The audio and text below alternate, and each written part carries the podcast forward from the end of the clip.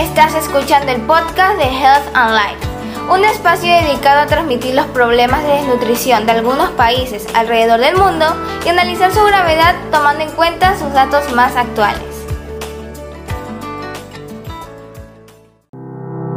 Bienvenidos a todos, amigos y amigas. Nosotros somos Valesca Sánchez, Arila Sigüencia, Nicolaro y mi persona, Stephanie Sanisaca. Estudiantes ecuatorianas muy interesadas en la salud de cada uno de los habitantes del mundo. Y como sabrán, un factor muy importante para lograr alcanzarla es contar con los nutrientes necesarios en el cuerpo. Sin embargo, no todas las personas gozan de ellos, ya que en algunos países, como en el nuestro, las personas presentan un déficit de nutrientes. Razón por la cual el día de hoy hablaremos sobre la desnutrición en el Ecuador Además, analizaremos cómo las circunstancias actuales han contribuido a un lamentable crecimiento de este problema y cuáles son las soluciones que el país ha planteado. Comencemos.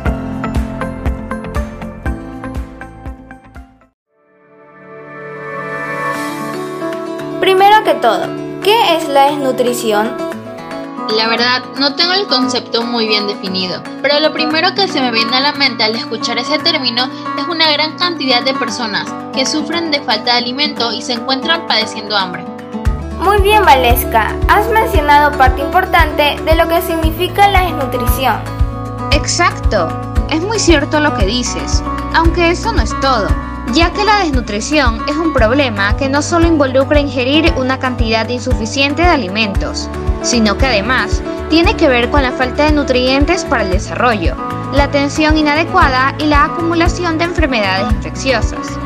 Ahora que lo mencionas, hace algunos meses vi en las noticias que en nuestro país la desnutrición estuvo a gran escala durante el 2018 ya que según una estadística mostrada por el Instituto Nacional de Estadísticas y Censo, contaba con el 27.2% de la población en esta situación crónica.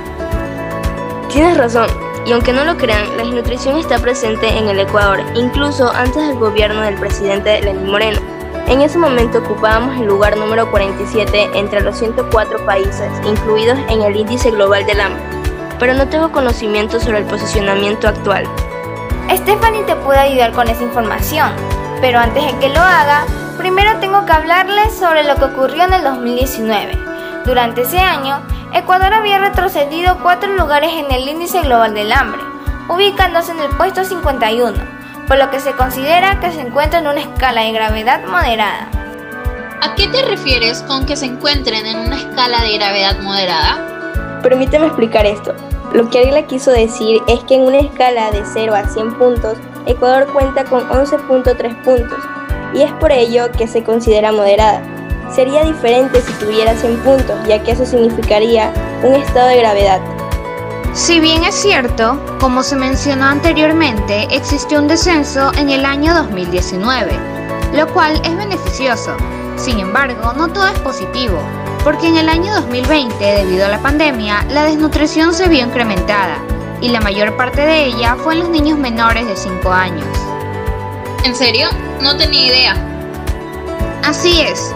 Esto se debe a que durante la compleja situación sanitaria que enfrentamos actualmente, existieron muchas personas que quedaron desempleadas y no tenían el dinero suficiente para acceder a alimentos que realmente aporten nutrientes al cuerpo.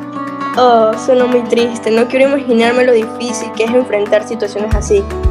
Sí, pero tranquilas, no todo es malo, ya que debido a las proyecciones de la vicepresidenta María Alejandra Muñoz, el Programa Mundial de Alimentos y el Ministerio de Inclusión Económica y Social decidió incluir a 7.800 personas en el pago del bono de desarrollo humano. Además, organizaciones no gubernamentales entregarán cupones para que 17.000 personas accedan a alimentos en cadenas de supermercados. Esas son agradables noticias y qué bueno porque las consecuencias de la desnutrición son realmente devastadoras. ¿Nos las podrías explicar por favor? Pienso que es muy importante conocerlas para que así todos podamos tomar conciencia sobre ello y hacer todo lo posible para erradicar el problema. Por supuesto, a continuación les mencionaré las tres principales consecuencias. Número 1. Pérdida de masa muscular. En ausencia de suficientes proteínas, el cuerpo actúa con el fin de proteger su supervivencia, extrayendo la energía de las fibras del propio cuerpo, consumiendo las fibras musculares en el conocido como catabolismo proteico. Número 2. Fragilidad ósea. Al igual que con los músculos, los huesos también están afectados por la desnutrición. Se vuelven más frágiles y quebradizos, siendo más probable la presencia de lesiones y roturas. Y número 3. Debilitamiento del sistema inmune. Uno de los grandes afectados por la pérdida de nutrientes es el sistema inmune. Se genera una debilidad en dicho sistema, que dificulta la respuesta ante bacterias y virus, siendo mucho más sencillo que aparezcan infecciones y enfermedades, que incluso pueden causar la muerte. Wow, nunca imaginé que la desnutrición ocasionara cosas tan terribles en nosotros, pero tengo esperanzas en que poco a poco se solucione, ya que según los Objetivos de Desarrollo Sostenible buscan terminar con todas las formas de hambre y desnutrición para el 2030 y velar por el acceso a una alimentación suficiente y nutritiva durante todo el año.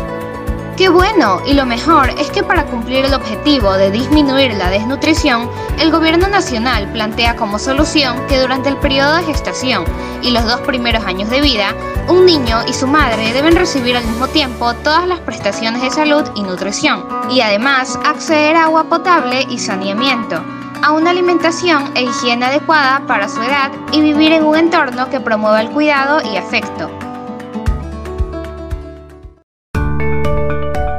Con esta información hemos concluido, pero antes de despedirnos queremos hacer énfasis en algo. La desnutrición es un problema que debe ser tratado con mucha seriedad y no debemos actuar con indiferencia frente a este problema, ya que a causa de esto, en muchos lugares las personas no cumplen años, sino más bien días de vida. Por lo que si deseamos que la desnutrición no siga creciendo, debemos hacer todo lo posible por contribuir a la solución. Muchísimas gracias a todos por escucharnos y acompañarnos. Esperamos que el tema socializado haya sido de su interés y que sobre todo contribuya a sus conocimientos. Les mandamos un abrazo y nos vemos en el siguiente podcast.